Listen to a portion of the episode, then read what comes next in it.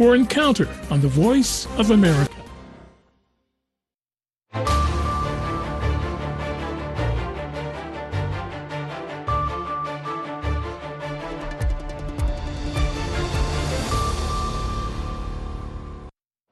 subax wanaagsan dhegeystayaal ku soo dhowaada idaacadda subaxnimo ee laanta af soomaaliga v o a oo idinkaga imaaneysa washington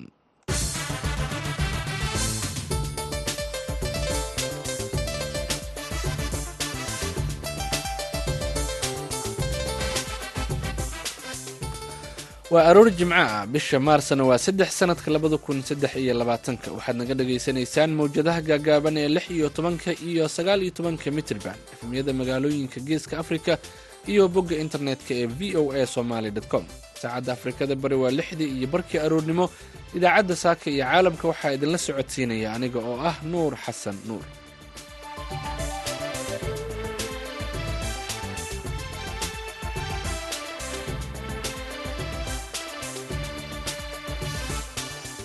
qodobada aad ku dhegaysan doontaan idaacaddeenna saaka iyo caalamka. Waxaa ka mid ah saraakiil uu hogaaminayo wasiirka gaashaandhigga soomaaliya oo booqday deegaanadii dhowaan al-shabaab laga xoreeyey ee jubbaland.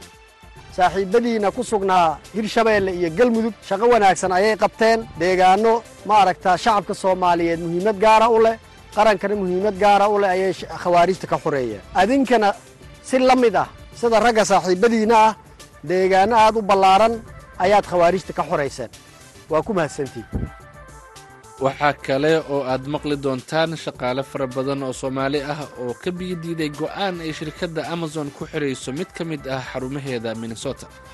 Sidoo kale waxaan idiin haynaa warbixin ku saabsan khasaare ka dhashay dab xoog leh oo qabsaday suuqa weyn ee magaalada jigjiga iyo barnaamijkii amuuraha islaamka. Balse intaasoo dhan waxaa ka soo horreeya warkii caalamka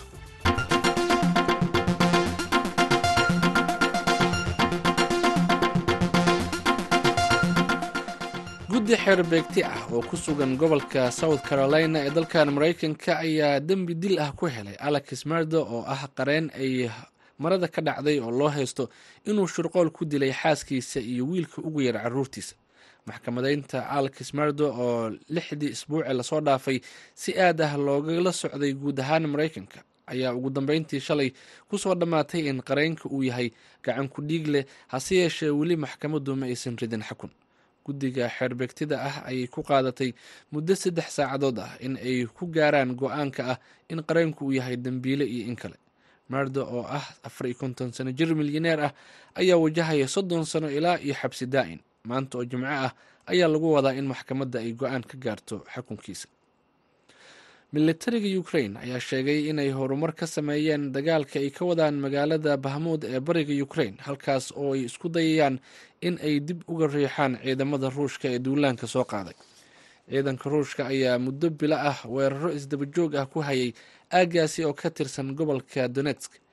Weeraradaasi ayaa bahmuud ka dhigay mid ka mid ah magaalooyinka ugu dhimashada badan ee dagaalka ukrain dhinaca kale dowladda maraykanka ayaa lagu wadaa in ay ku dhawaaqdo maanta ilaa iyo afar boqol oo milyan oo dollar oo dheeraad ah oo ay ugu tala gashay inay ukrain uga kaalmayso dhinaca qalabka militariga arrintan ayaa lagu soo hadalqaadi doonaa kulan jimcaha maanta ah ay washington ku yeelan doonaan madaxweynaha maraykanka jo biden iyo hogaamiyaha jarmalka olaf sholz dhegeystayaal warka caalamka waa naga intaa u diyaar garooba qeybaha inooga haray idaacaddeenna saaka iyo caalamka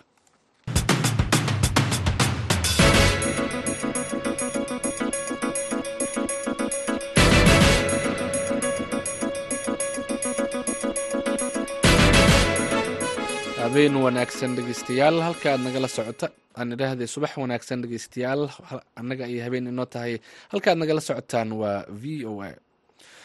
Aan ku bilowna ee wasiirka gaashaandhigga dowladda federaalk ah ee soomaaliya cabdulqaadir maxamed nuur iyo taliyaha ciidanka xoogga dalka ayaa gaaray deegaanadii dhowaan laga saaray al-shabaab ee galbeedka magaalada kismaayo gaar ahaan deegaanka janaayi cabdal halkaas oo ay kula kulmeen ciidanka xoreynta jubbaland iyo saraakiisha howlgalka hogaaminaysa waxaanay ku dhiirigeliyeen ciidamada inay sii wadaan howlgallada ka dhanka ah al-shabaab. Faahfaahinta warbixintan waxaa kismaayo ka soo diray waryaheena aadan maxamed salaad. Cutubyo ka tirsan ciidanka jubbaland iyo kuwa xooga dalka oo meel fagaaraha ay kala hadlayeen saraakiishan ayaa waxaa ugu horeyn hadal kooban goobta ka soo jeediyay taliyaha ciidanka daraawiishta ee jubbaland jenaraal ismaaciil saxardiid kaydsane isagoo sheegay in dowladda federaalk ee soomaaliya ay ciidankan uga baahan yihiin dhaqaale darajo ciidan iyo wax kasta oo ay u baahan yihiin ciidamada. Halkan waxaa joogaa saddex ciidan. Ciidanka xoogga dalka soomaaliyeed ciidanka madaxtooyada oo ciidanka dhaxa ah ciidanka daraawiishta oo hal batalyan ah iyo ciidanka nabad sugidda waxaa jira hal batalyan oo aan waddada ku soo marray waddadii aan soo marray ciidanka tubnaa wax ay maanta istaageen ma aheene maalin kasta iyo habeen kasta iyo subax kasta sidaasay u taagan yihiin.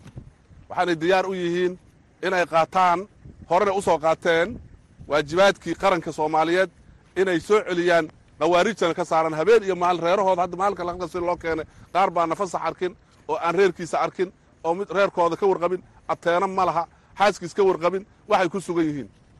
Waxa qaranka uu leeyahayna waa idinkaga baahannahay darajo ha noqoto lacag ha noqoto daawo ha noqoto labadii ugu sarraysay ee ciidan hub wadato idinka way ku soo dhowaada. Taliyaha ciidanka taliska afartan saddexaad ee xoogga dalka ee deegaanada jubbaland ka howlgala jenaraal cali maxamed maxamuud begmadow ayaa sheegay in ciidamada looga baahan yahay in ay adkeeyaan ammaanka deegaanada ay gacanta ku hayaan loogana baahan yahay inaanay difaacyada banaynin inta halkaa laga waayo ee difaaca laga waayo howlgal baa lagu jiraaye ciidanka kama tirsanaanayo amarkaasaan qabaa kaasaana fulinayaa ciidamadaasane xuquuq baad qaadataan mushaar baad qaadataan. Daraawiishtu ma qaadato madaxtooyadu ma qaadato. Nimaynu isu sheegaynaa raashin baad ba dallacaad baad leedihiin. Haba idinka fogaata hadday rabtee caafimaad baad heshaan. Ninna ka yeeli maayo difaaca in laga waayo. Xuquuqdaasi waa la jarayaa. Mid u baahan waa la kacabsi leh oo aan balwad lahayn. Oo soomaali ah soomaalinimada ku dheehan tahay. Oo u diyaarsan howlgallada aynu khawaarijta kaga xorayno deegaadana aynu u soconno. Kaasaa lagu bedelaya wallaahi. Taliyaha xoogga iyo wasiirka gaashaandhiggana amar baan ka haystaa. War intaa ma fahamteen wasiirka gaashaandhigga xukuumadda federaalk soomaaliya cabdiqaadir maxamed nuur ayaa uga mahad celiyey ciidanka jubbaland iyo kuwa xoogga dalka fulinta awaamiirtii ka soo baxday dowladda federaalk ee soomaaliya ee ku aadan in ay qaadaan howlgallo ka dhanna al-shabaab. Sidaad la socotaan dalka guud ahaan waxaa ka socda howlgallo ballaaran. Markaan halkaan ku kala tegaynay deegaano badan oo aan xor ahayn oo khawaarijtu ay ummadda soomaaliyeed iyo shacabka soomaaliyeed ay ku dhibaataynaysay ayaa maanta xor ah. Saaxiibadiina ku sugnaa hirshabeelle iyo galmudug. Shaqo wanaagsan ayay qabteen. Deegaano ma aragtaa shacabka soomaaliyeed muhiimad gaara u leh qarankana muhiimad gaara u leh ayay khawaarijta ka xoreeyeen adinkana si la mid ah sida ragga saaxiibadiina ah deegaano aad u ballaaran ayaad khawaarijta ka xorayseen waa ku mahadsantiin. Ciidamada jubbaland ayaa waayadii u dambeysay waday dhaqdhaqaaq ciidan iyo howlgallo militari kuwa oo ay kula wareegeen toddobaadyo ka hor. Deegaanada dhulka galbeedka magaalada kismaayo qeybo ka mid ahi gaar ahaana deegaanka janaac cabdalle oo ilaa lixdan kilomitir. Galbeed magaalada kismaayo kaga beegan iyadoona haatan la filayo in madaxweyne xasan sheekh uu dahfuro wejiga labaad ee howlgallada ka dhanka al-shabaab oo la filayo inuu kaga dhawaaqo magaalada kismaayo. Aadan maxamed salaad v o a magaalada kismaayo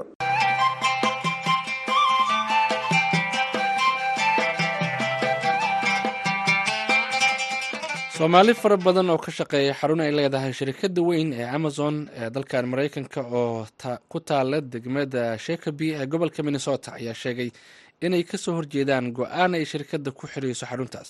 Waxayna soomaalidu sheegeen in go'aankan uu yahay mid ay shirkadda uga argoosanayso shaqaalaha soomaalida u badan ee amazon oo iyagu horey u dalbaday xaquuq badan. Shirkadda amazon ayaa u ballanqaaday in shaqaalaha soomaalida ay u wareejinayso xarumaha kale warbixintan waxaa minnesota ka diray maxamuud mascade shirkadda amazon oo dhowr xarumood ku leh gobolka minnesota ayaa dhowaan ku dhawaaqday inay xirayso xarun ay ka shaqeeyaan shaqaale ay tiradoodu gaarayso ilaa iyo lix boqol iyo siddeetan qof.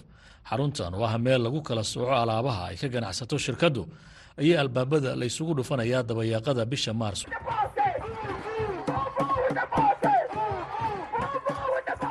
shaqaalaha u badan soomaaliya ayaa ka gadooday xiritaanka xarunta ay ka shaqeeyaan waxayna dhigeen banaanbax cabasho ah oo ay kaga soo horjeedaan tallaabada ay qaaday shirkaddu. Shaqaalaha gadoodsan ayaa sheegay in sababta loo xiray xarunta ay ka shaqeeyaan ay tahay hab la doonayo in iyaga shaqada looga eryo.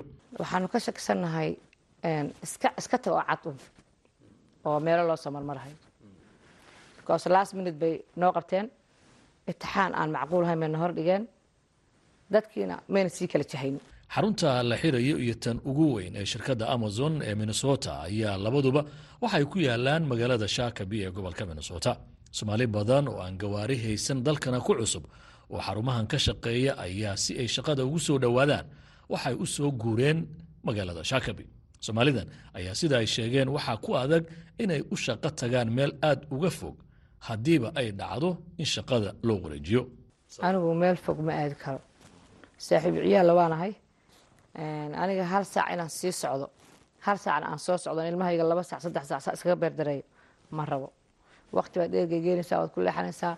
Afar saac baad soo shaqaysa afar saac oo kalena meelahaas kaa gasho marka kamaniyaashu way badan yihiin waxaan ugu xirayna marka horeba si annaga iyo ilmahanaga aanu u wada shaqaynay ahayd sidaa darteed baana meel fog aan u aadi karin tan hadda way adagtaa la igu yiri laakiin maadaama ii dhowdahay iyadaan rabaa baan ku iri soomaalida ka shaqaysa shirkadda amazon ayaa horay marar badan u dhigay banaanbaxyo ay kaga cabanayaan. Shirkadda amazon iyo siday ula dhaqanto shaqaalaha soomaalida ee shirkadda ka shaqeeya. Ururka shaqaalaha ee awood center oo ah urur u dhaqdhaqaaqa xuquuqda shaqaalaha ka soo jeeda bariga africa gacanna siinayay dadka shaqaalaha ah ee banaanbaxayay ayaa shirkadda amazon ku eedeeyey in tallaabadan ay ku xirayso xarunta kala sooca alaabaha ee shakabi ay tahay argosi ka dhan ah shaqaalaha soomaalida. Runtii shaqaalu aad bay uga niyajabsan yihiin annaguna waxaanu aragnaa inay tahay runtii argosi kambaniga ama shirkaddu ay ku kacayso waayo muddo badan dadka soomaaliyeed maadaama ay ugu badnaayeen ama hayaan dhabarta shaqaalaha shirkadda in badan waxay ka ahaayeen horseed codka u dhaqdhaqaaqa xuquuqda shaqaalaha. Sidaa daraaddeed waxaan anugu aaminsanahay kambanigu inuu ka argosanayo shaqaalaha uu leeyahay haddii aad codkiina ama xuquuqdiina aad u doodaan waxa waaysan shaqadiina saasaan anugu aanu aragnaa maxay ahayday hay'ad ahaan. Arrintan aad baan uga xunnahay. Waana la socodsiinay maxay ahayday madaxda iyo hay'adaha kala duwan ee u xilsaaran dhowrista xuquuqul insaanka iyo xuquuqda shaqaalaha. Dadka qaar ayaa ku dooda in banaanbaxyadu aanay keenin isbeddel la taaban karo. Hase haatee cabdiraxmaan muuse ayaa ku doodaya in taageerada ururada shaqaaluhu ay keentay in la meel mariyo sharciyo ilaaliya xuquuqda shaqaalaha. Xilligan wada hadlayno waxaa horyaala baarlamaanka gobolka ajenda sharci oo ku saabsan in la wanaajiyo duruufta shaqada ee shirkadda amazon.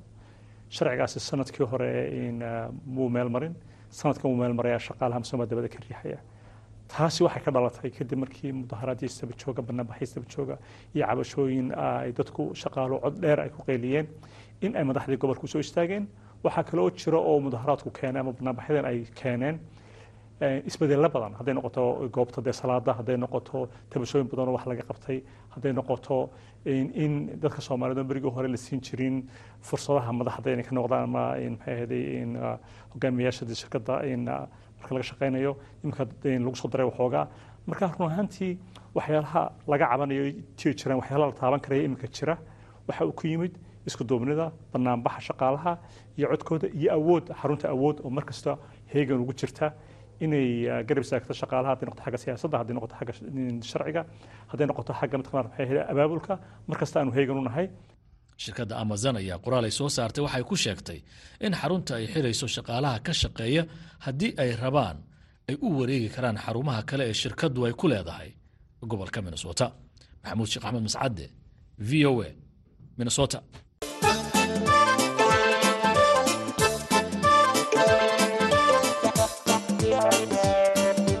subax wanaagsan dhegeystayaal waxaad nagala socotaan v o a.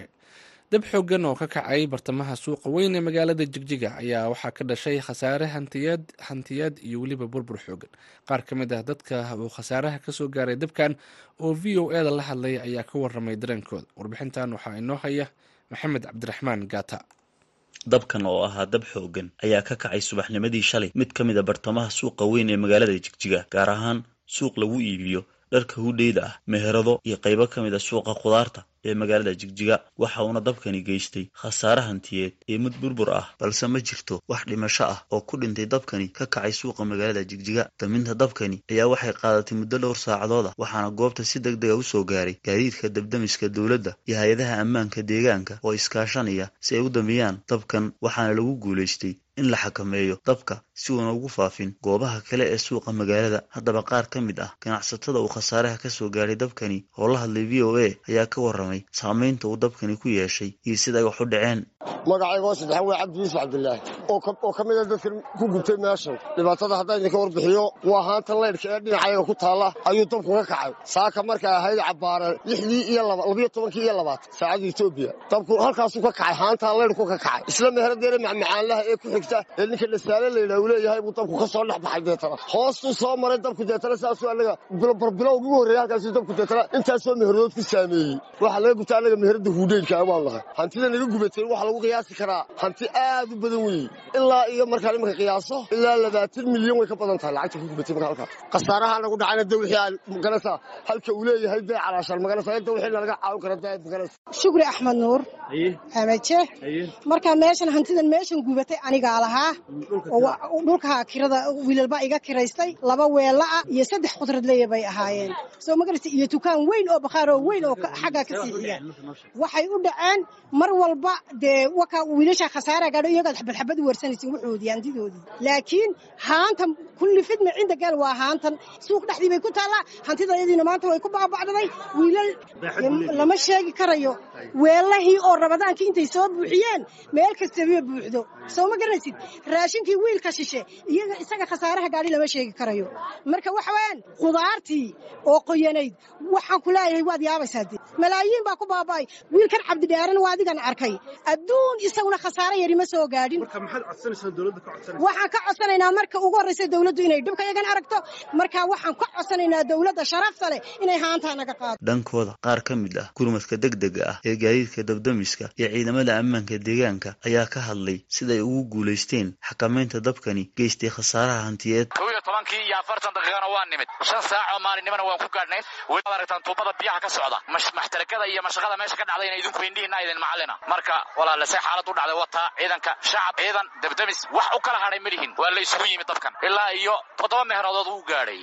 Fooqa ilaahay baa nagu bixiyey waad aragtaa fooqa guriga. Fooqa xaggan waxay ahaayeen baan u malaynayaa adu sideed meherodood way ka sijeeday afarna xagga dambay ahayd aduu isku fadhigooda. Kolley maana tirinin waad aragtaan ka af ka af. Indhihiina idin macallina walaalle. Wax nafa ma jirto wax hanti aan baase aad ugu khasaartay meesha. Wax bini'aadam nafti ah kuma jirto. Bismillahi raxmaan raxiim magacayga maxamed axmed cumar allah mustacaanay meesha waa ujeedaan waxa ka dhacay laakiin waan ka jawaabnay waxay ahaataba say ahaataba waan ka jawaabnay. Annaguna waxaan u taaganay afar labaatanka saac. Magaalada iyo deegaankaba guud ahaan de wax allaala wixii dhiba ka soo dersay inaan ma garanaysaa aan ka hor tagno oon difaacno oo naftoodnada u horro. Ilaa ciidankan halkan jooga waad arki doontaane dee qayb waxaa jira iyagii iyo dabkii iyo ma garanaysaa wixii meesha ka dhacay aada kala garanaynin ta kale annagu saacaddan oo kale dee annaga naftannada iyo waxaasoo kale ooma istaajino. Saan u badbaadin lahayn magaalada iyo dhibka meesha ka dhacay ayaanu diyaar maya waxba kuma dhicin. Alxamdulilah alaab iyo waxa un gubtay mooyaane wixiina waad aragtaan waa la baktiyey waa laga hortegey. Annaga ciidanka xoogga gaarka ee magara madaxtooyada iskaashanayna baktinay haddana allah mustacaan waa nabadgelyo. Wixii dambe iyo wixii hore waan diyaar baanu inaanu difaacno haddaba qaar ka mid a ganacsatada uu khasaaraha u geystay dabkani ka kacay mid ka mid ah bartamaha suuqa weyn ee magaalada jigjiga ayaa waxay sheegeen in dabkani uu ka kacay mid ka mid ah haamaha leydhka oo ku taala suuqan. Haddaba marka laga yimaado sida ay sheegeen ganacsatada ilaa iyo hadda lama xaqiijinin. Sababta rasmiga ah ee ah waxa uu ka dhashay dabkani waxaana dhankiisa wax ka weydiiyey islamarkaana la xiriiray maareeyaha quwadda korontada laanta deegaanka injineer cabdulaahi abshir waxa uuna v o a u sheegay in ay wadaan baaritaanno ay ku ogaanayaan waxa sababay. Dabkan ayaa waxa uu sheegay maareeyuhu in marka ay dhammeeyaan baaritaanadaasi in ay la wadaagi doonaan xogaha ka soo baxa warbaahinta. Maxamed cabdiraxmaan gaataa v o a magaalada jigjiga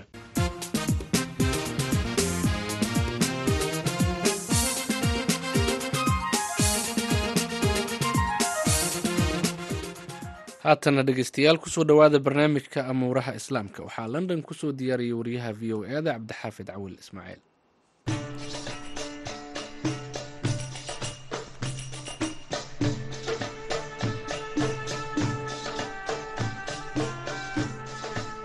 Kulanti wanaagsan idilkiinba akhyaartana dhegaysanaysa meel kasta oo aad caalamka ku sugan tihiinba kuna soo dhowaada barnaamijkeennii amuuraha islaamka wasiirka arrimaha dibadda ee masar ayaa dhowaan booqday dalka suuriya. Waa booqashadii ugu horreysay ee wafdi ka socda qaahiro ay gaadhaan dalkaasi.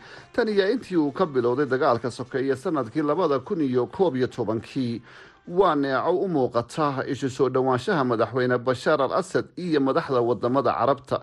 Sidaasi waxaa qaba qaar ka mid a dadka ka faalooda arrimaha bariga dhexe. Halka dad kalena ay aaminsan yihiin inaanay weli arrinta fari ka qodnayn dhinaca kale ma la odhan karaa waa isbeddelka istaraatiijiyadeed ee caalamka ka socda. Barnaamijkeenna ayaynu ku eegeynaa haddii ilaahay raalli ka noqdo sida laga soo xigtay warbaahinta suuriya wasiirka arrimaha dibadda ee masar shokri waxaa madaarka magaalada dimashik ku soo dhoweeyey dhigiisa faysal makdad isniintii toddobaadkan. Madaxweyne asad waxa uu ka faa'iideystay madax badan oo bariga dhexe oo taageeray suuriya.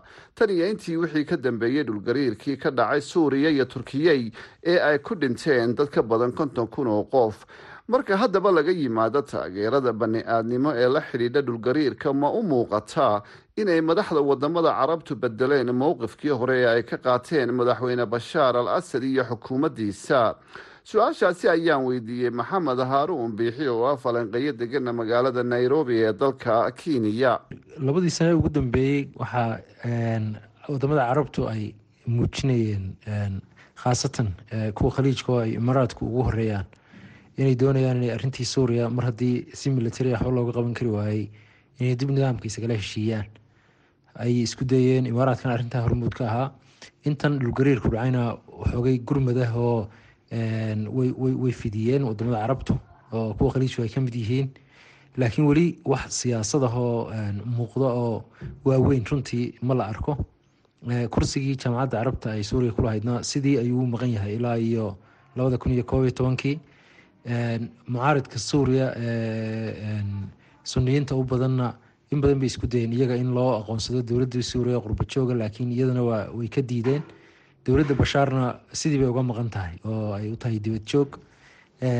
Waxoogay dhaqaaqaho ay imaaraadku sameeyeenna ilaa imika wax midho waaweyn ma muujinin oo ma bixinin. Bilowgii bishii dhammaatay madaxweynaha masar cabdilfataax al siisi ayaa telefoonka kula hadlay madaxweyne bashaar al asad wafdi ka socda hogaamiyayaasha baarlamanka carabta oo uu ku jiro afhayeenka baarlamanka masar xanafi al jabali ayaa asad isaguna la kulmay. Waxaa ka horeeyey in dhulgariirka kadib wasiirka arrimaha dibadda ee jordan oo hore u taageeray xoogaga la dagaalamaya suuriya uu dalkaasi booqday. Haddii ay jirto in madaxda waddamada carabta ku soo dhowaanayaan suuriya waa maxay qorshaha ay ka leeyihiin? Waa kan mar kale maxamed horta weli soo dhowaansho muuqdo oo aada u ballaarhani ma jiro. Laakiin waddamada carabtu inta badan siyaasadooda si istraatiijig ahoo maaragtay warqad ku qormi karta oo la micneyn karo kuma salaysna xidhiidhada issoo dhowaanta iyo iyo xidhiidha isugeyntuba inta badan. Tii qadar berigii dhaweytaana dee astaan weyn u ah arinta suuriyana carabtu way isku dayeen inay jaha kale u dhaqaajiyaan nidaamka bedelaan laakiin ruushka ka diiday oo maaragtay arrinta farageliyey iyaguna farahay ka qaadeen farahay ka qaadeen dadkii carbeed ee suniyiinta ahaa ee nidaamka wadankaasi uu gumaadayeyna sidiibay dee u kala daadsan yihiin wadankiina sidiibuu kala xidhan yahay. Marka waxa waaweyn oo isbedelay ma jiro mana u eka inay hadda wax tallaabo waaweyn qaadayaan waddamada carabta waxa ay go-doomiyeen suuriya markii uu kacdoonku ka bilowday ee ay dowladda suuriya isticmaashay awood aan xadidnayn. Dadkii dibadbaxayay sannadkii labada kun iyo koob iyo tobankii. Ururka jaamacadda carabta ayaa joojiyey xubinnimadii suuriya ee ururkaasi isla sanadkaasi. Sidoo kale dalal badan oo carabta ah ayaa u yeedhay safiiradii u joogay dimashik wadanka isutaga imaaraadka carabta ayaa dhowr sannadood ka hor soo celiyey xiriirkii uu la lahaa dimashik suuriyana taageero badan u diray dhulgariirkii kadib sacuudiguna markii ugu horeysay tan iyo sannadkii labada kun iyo koob iyo tobankii ayuu diray taageero diyaarado uu leeyahay ay u qaadeen dimashik waxaa muuqata isbeddel sida ay aaminsan yihiin qaar ka mida dadka ka faalooda arrimaha gobolkaasi inta uu leekaan doono se taariikhda ayaa sheegi doonta. Washington ayaan soo dhoweyn isbeddelkan. Intaasi ayaynu dhegaystayaal ku soo gabagabaynaa barnaamijkeenii amuuraha islaamka. Aniga oo ah cabdixaafid cawir ismaaciil ayaa soo diyaariyey oo idinla socodsiinayey taniyo inta aynu mar kale kulmayno haddii ilaahay raalli ka noqdo maxamed iyo aniguba waxa aanu idin leenahay sidaasi iyo jimco wanaagsan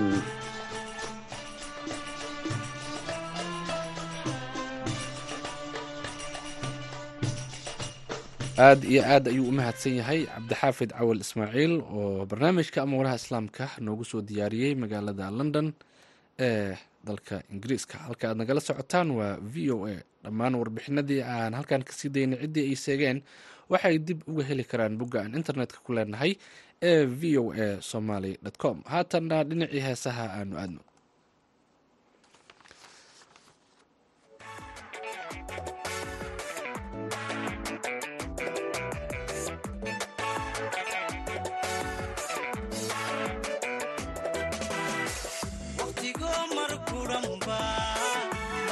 ذا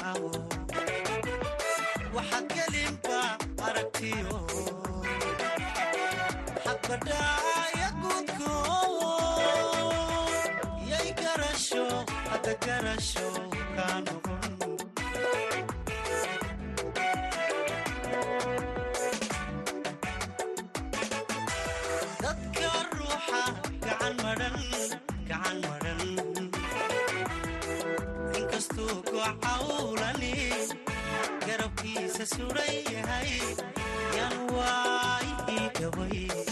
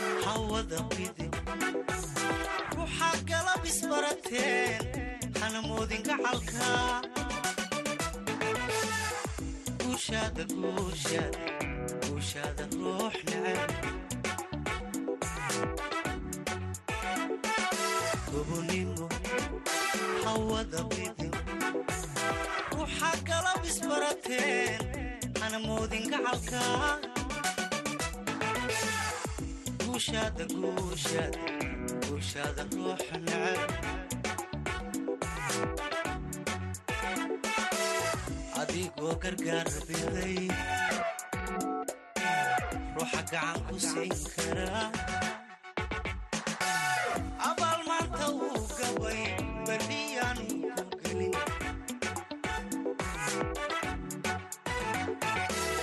Adigoo gargaar biday heestaasina waxay ugu dambeysaa idaacaddeenii saaka iyo caalamka. Tan iyo kulanti dambe dhegaystayaal waa v o a oo idin leh sidaa iyo subax wanaagsan.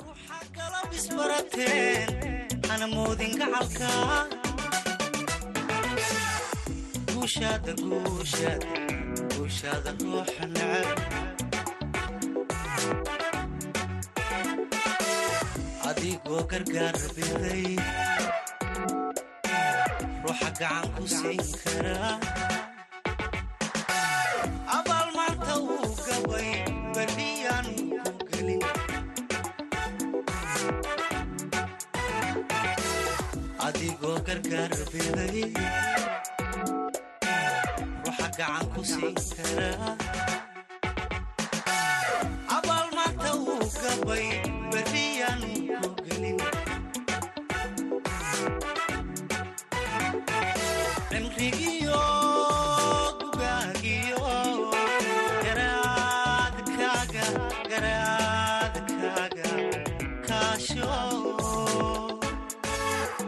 hadalka hawl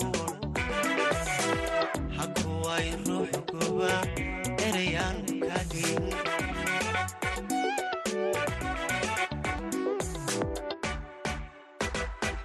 cimrigiyo gugaagiyo garaadkaaga garaadkaaga kaasho. Gura hadalka hawlan